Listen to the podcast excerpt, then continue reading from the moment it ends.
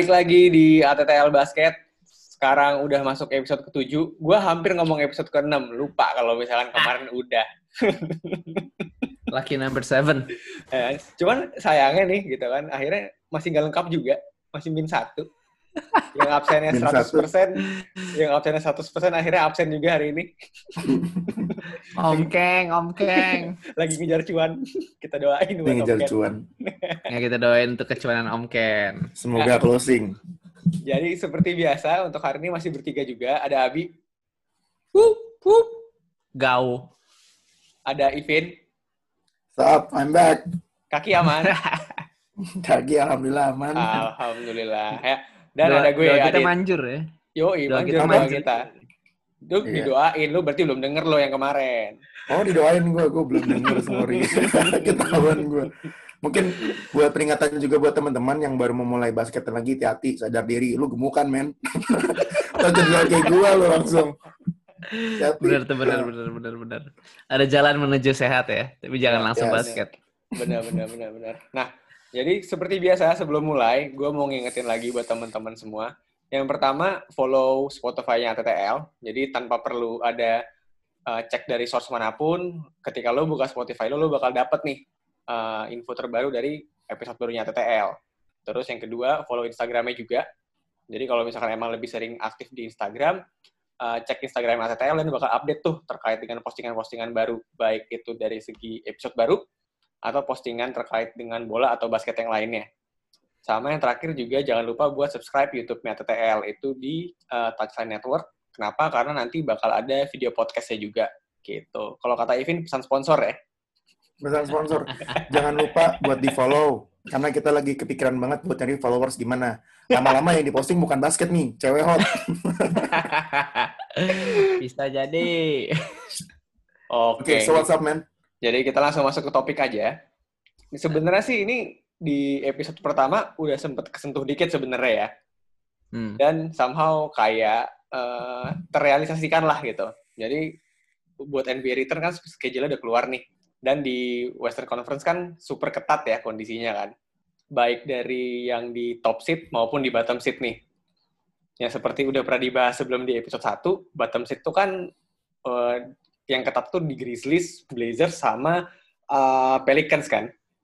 Hmm. Sempat kesebut nih, bakal dikatrol nggak sih sama NBA gitu kan. Begitu jadwalnya keluar kok kayaknya bener. Udah kayak ini nih kita nih. Cenayang. Yoi. Nah, gue mau ke Abi dulu nih, gitu. Ya kan? Bi, eh, menurut lo, Pelikan sebener nggak sih? Emang dikasih schedule yang gampang dari NBA atau gimana nih? Em, kalau dari segi ini ya, Matt, gue lagi-lagi pasti masuk lewat angka dan statistik. Eh, melawan-lawannya Pelicans, yang mungkin kalau misalnya kita list down ini sekarang adalah Utah Jazz, Clippers, Grizzlies, Kings, Wizards, Spurs, Kings, dan Magic. Itu notabene jauh lebih mudah dibanding lawan-lawannya Blazers, Grizzlies, ataupun eh, Sacramento Kings. Jadi kalau misalnya dari segi opponent win percentage atau persentase kemenangan uh, lawan yang di Orlando ini selama regular season kemarin eh, bahkan satu-satunya tim yang di bawah yang ya, satu-satunya tim yang secara kumulatif lawan itu di eh, rekornya di bawah 500 atau lim- lima 500 persen 500 itu Pelicans doang. Sisanya di atas 500 semua bahkan 500 atas. Berarti lawan itu jauh-jauh jauh lebih susah lah dibanding Pelicans. Nah itu berarti mereka udah secara secara secara apa ya secara Otomatis. secara schedule pun udah ter ini nih sudah ter, ter, ter- di memiliki advantage lah Jadi menurut gue dia ada sesuatu dikit tapi ya for entertainment value lah entertainment value Iya, iya, iya. Ya. Kalau lo gimana, Vin?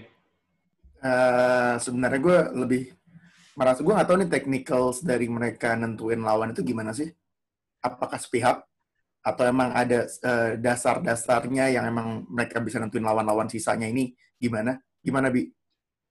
Um, kayaknya di randomize aja deh. Jadi at least kayaknya ada beberapa game yang mereka harus ketemu Eastern dan Western. Eastern Mhm. Western Conference kayak misalnya kayak tadi gue bilang Pelicans ketemu Wizards dan ada ketemu Magic. Tapi kayaknya lebih ke arah itu sih. Uh, ada yang randomize dan secara yang sekarang schedule make sense. Dan pasti mereka juga ada mau memasangkan kayak misalnya Lakers ketemu Clippers, Lakers ketemu Rockets. Jadi harus yang ada entertainment value juga sih. Ya, ya, ya. Cuman itu entah kenapa Pelicans secara kumulatif dapat yang lebih mudah nih rekor lawannya. Randomize-nya Abi dari tadi in quotes ya. Terus ada lanjutannya nggak, Vin? Oke, mungkin tadi yang di highlight sama Abi, randomize, randomize dulu itu in quotes ya. Randomize, ada behind agenda di situ. Emang kelihatannya seperti itu sih. Uh, dan kalau dari gue sih emang ya emang seperti yang Om Ken ramalkan dari awal, cena yang kita yang umurnya udah ratusan tahun itu, kelihatannya kan seperti itu sih. Buat dari commercial value-nya juga kan lagi tinggi. Dan lagian 2K20 baru keluar men, bentar lagi kita. 2K21. 2K21, ya. sorry. 2K21 dan Zion punya peranan di situ. Sayang aja buat naikin macam-macam juga di situ kan. Gue balikin Ya, lagi itu- bolanya ke Adit. Oke, kalau gue ngeliatnya sih mungkin tadi gue sempat ada di poin gimana sepemikiran sama Abi gitu kan. Karena kalau misalkan ngelihat based on numbers ya benar gitu. Secara kumulatif memang Pelicans kayaknya bisa dibilang dikasih jalan yang lebih mudah lah ya gitu kan. Cuman ada satu faktor yang menurut gue harus dimasukin juga jadi variabel gitu. Kan semua tim Hmm. habis break nih.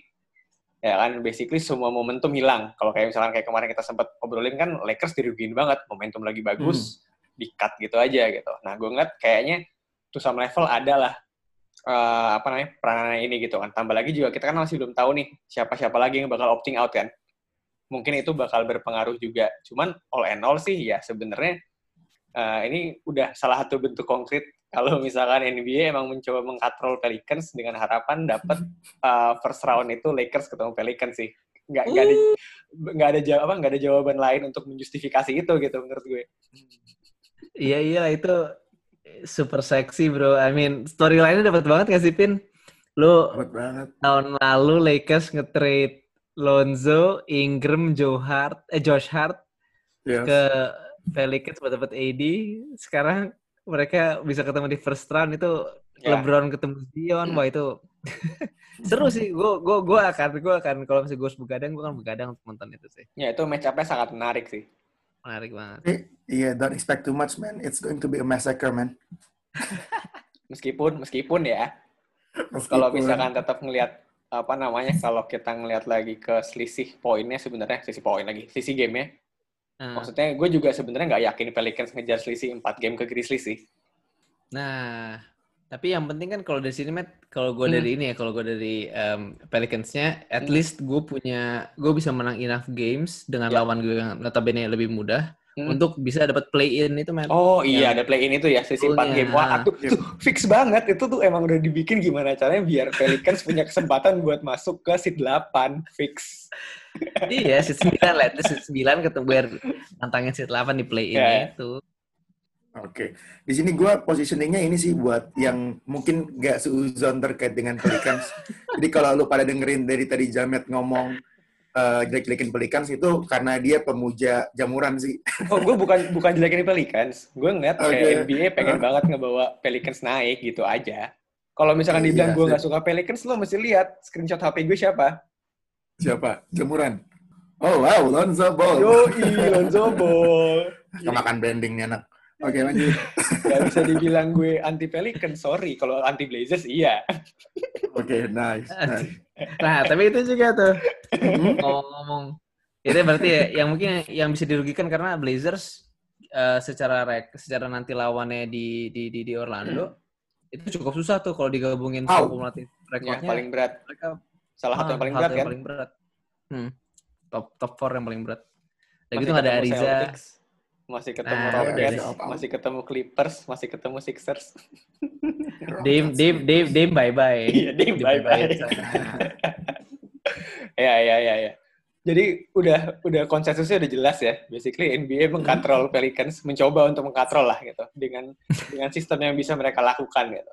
Nah, eh, mungkin karena ini juga udah kita pernah bahas sebelumnya, kita geser dikit. Yang sebenarnya Hmm. belum banyak kesentuh tuh adalah sebenarnya justru top seed kan. Ya. Kalau misalkan kayak eh, yang semua penikmat basket, penikmat NBA sadar tuh pasti udah Lakers bisa dibilang practically locked in lah untuk di first seed gitu kan. Even untuk level Clippers juga rasanya agak sulit untuk ngejar itu. Nah, cuman dari data yang di provide oleh Abi, sekali lagi terima kasih untuk Abi selalu provide data yang sangat berguna untuk kami semua.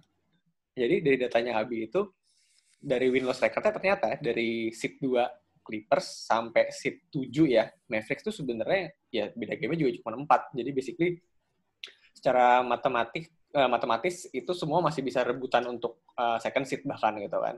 Nah, uh, yang menurut gue pengen start dari Evin dulu kali ya dengan uh, komposisi tim yang ada, menurut lo nanti untuk seat 2, 3, 4 tuh bakal siapa-siapa aja sih?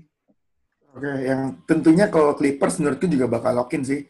Tapi yang bakal turun udah pasti menurut gue Denver Nuggets sih. Hmm. Tapi nggak tahu nih tergantung jawaban gue nih si Joker. Jadi gimana sih? Jadi gimana sih beliau claiming dari bokapnya kata sehat, tapi kan masih simpang siur. Dan tentunya Denver Nuggets without Joker itu uh, ya almost like sorry, a joke. Tapi coba kita lihat aja gimana nantinya. Dan salah satu keunggulannya dia juga kan dari dari Nuggets itu ya ya karena dari Jokersnya ini.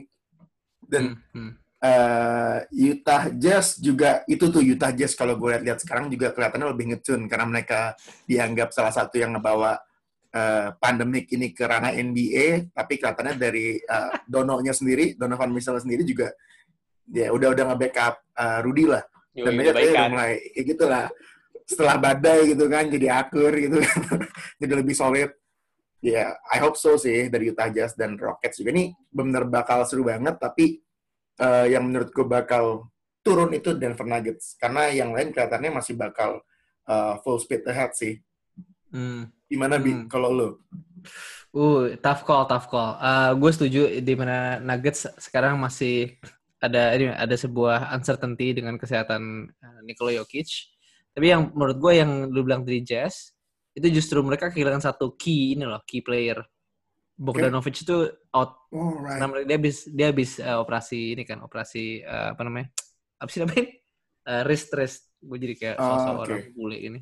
Ya, dia habis operasi pergelangan tangan dan dia nggak bisa main full. Dan menurut gue Bogdanovic average 20 points a game I think atau belah yeah. high, high teens dan itu key key key aspect of the offense banget. Cuman ya let's see lah.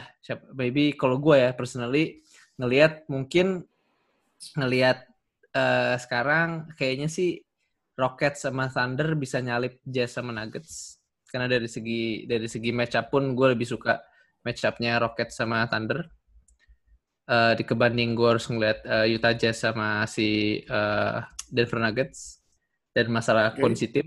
Jadi posisi dua Clippers, si tiga empatnya menurut gue itu antara yang tadi Rockets sama Thunder. Dapat home court advantage mereka at least. Ya, yeah, ya, buat yeah. Tapi nggak ada home court juga ya maksudnya. Iya, di home court sebenarnya. Gimana gimana, Vin? Dallas Mavericks, menurut lu gimana? Katie main nggak? Ah, Matt, lu tak ambil nih Matt Dallas sama tim lu nih. Kalau gue, kalau gue ya, okay. biarpun gue uh, apa namanya, menurut gue owner terbaik di NBA itulah Mark Cuban. Gue nggak ngelihat Mavericks sejauh itu sih. At least nggak season ini ya. Kalau kita ngomong satu season, dua season ke depan, gue rasa uh, kondisi mereka bagus. Cuma kalau at the time being nggak sih. Gue tadinya mau ngomong tuh sebenarnya sama kayak Abi gitu. Uh, apa namanya buat Nuggets sama Jazz tuh kondisinya rentan kan. Soalnya kalau misalkan lihat dari sisi Nuggets tuh sebenarnya kayak tadi Ivin bilang, uh, basically bener-bener kalau misalkan Jokic nggak main, tuh faktor X-nya hilang gitu. Karena kayak fulcrumnya di Jokic kan.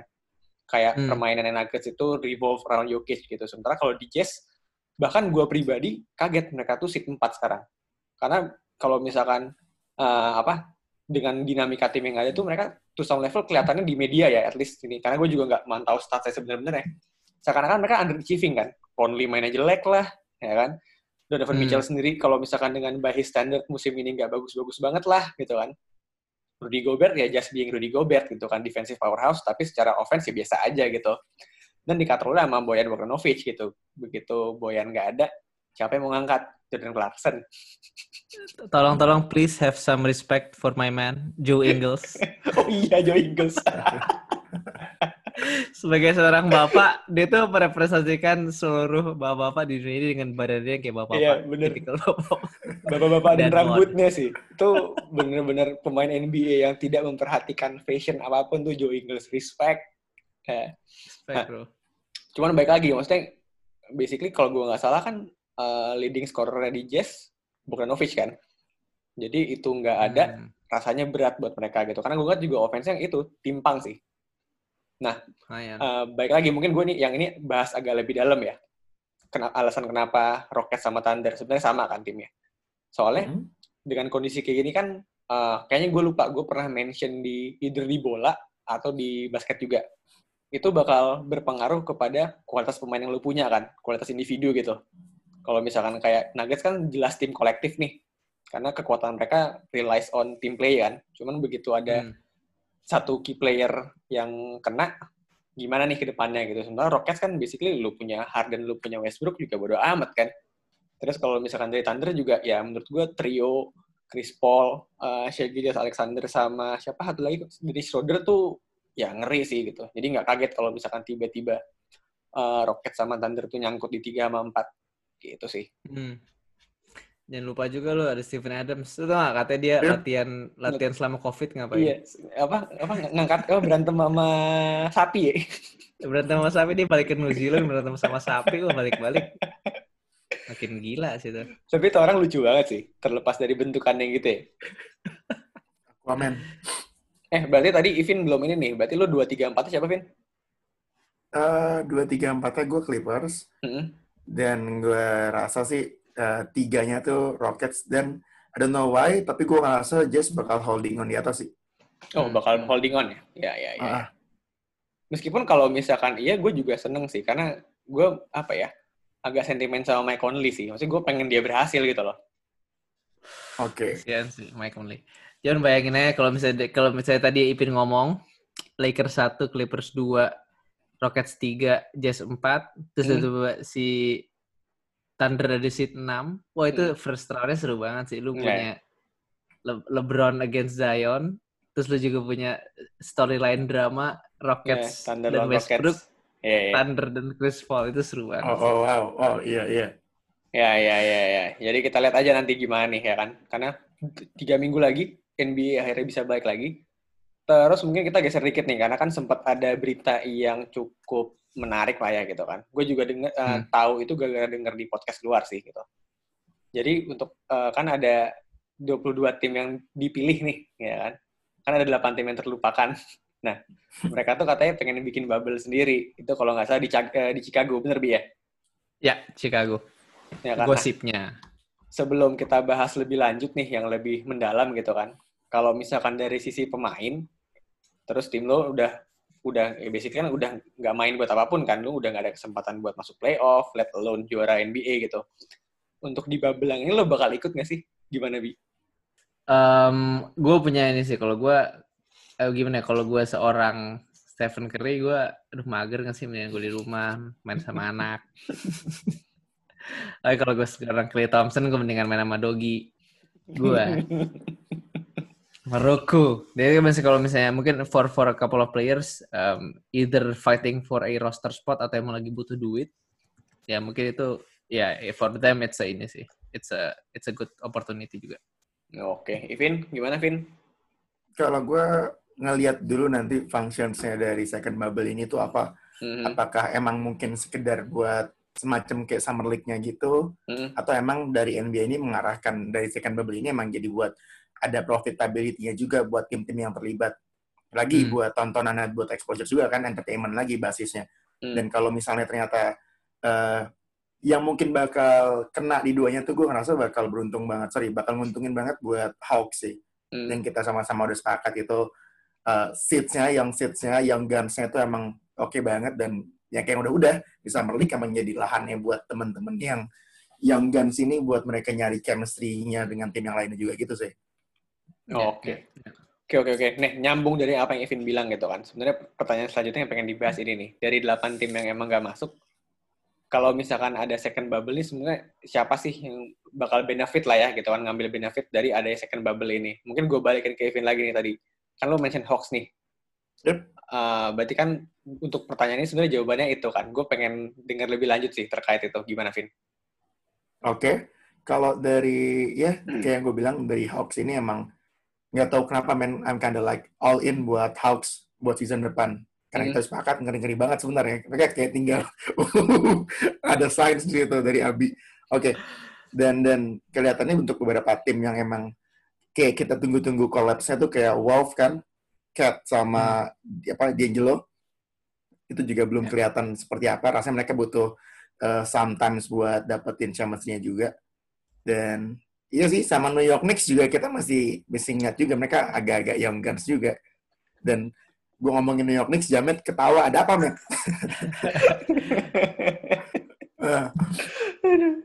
Gimana, ada banyak pemain ada banyak pemain gagal di Knicks. ada apa? Ada banyak pemain uh, gagal. Nggak tahu, gue nget kayak Knicks tuh apa ya terkutuk sih. Maksudnya semua yang dilakukan itu salah gitu loh.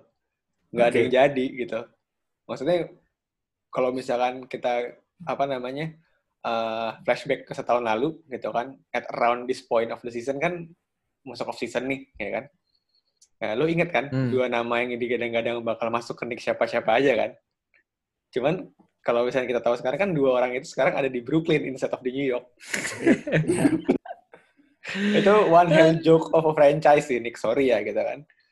Makanya jadi kayak regardless mau gimana juga Knicks irrelevant sih practically speaking they have no uh, they have no any sort of uh, business lah buat main di Chicago hmm. gitu kan kalau misalkan tadi kata Evin Hawks ya uh, Abi ya gimana Bi kalau gue, tadi gue juga menurut gue yang benefit satu yang gue juga tadi Ipin sempat nyebut juga itu Timberwolves karena mereka baru dapat uh, deal di deadline kemarin. Mereka dapat juga um, Michael Beasley. Ya. Eh Michael Beasley. Malik Beasley, sorry. Malik Beasley. Malik Beasley. Mereka dapat James Johnson. Menurut gue itu good pieces for the next four years, five years. Gua kalau gue jadi um, Ryan Saunders, gue akan nge-push um, NBA buat karena gue butuh tahu nih chemistry bakal gimana, play play gue bakal jalan apa enggak dengan komposisi kayak gini. Dan itu very very entertaining sih. Oke oke oke oke. Sempat pick up juga tuh fantasy kemarin nggak ada yang mau nggak ada yang mau dituker aja. oke. Kalau gue mungkin agak beda dikit ya. Gue nggak kaget sih sebenarnya dengan pilihan kalian berdua karena basically it's the most obvious choices nggak sih? Yep. Kalau gue tapi akan memilih satu tim yang kemarin jadi bahasan sebenarnya, Detroit Pistons. Coy. Kenapa? Soalnya practically speaking juga udah masuk rebuild kan. Terus regardless dari Blake main apa enggak, gue ngeliat itu tadi uh, si siapa Dwayne Casey punya kesempatan nih buat assess ulang kan pemain-pemain yang hmm. dia punya gimana. Uh, terus dia mau bawa Pistons ke arah mana? Karena kan per sekarang gue juga masih ngeliatnya sampai terakhir mereka main nggak punya identitas gitu kan, sadly speaking jadi bisa akses pemain-pemain yang dia punya mau dibawa gaya mainnya kayak gimana dan siapa-siapa aja yang bakal cocok. Jadi nyambungnya sama yang kemarin adalah Casey bakal tahu siapa-siapa aja yang pengen dia bawa buat rebuild nanti gitu kan. Dan bisa ini nih buat awal-awal brainstorming sama Troy Weaver juga kan. Jadi biar mereka ada waktu buat uh, building the chemistry juga lah gitu. Jadi makanya ya Detroit Pistons. Seko, oh. timnya Seko. Seko, Seko Dumbo ya, yoi.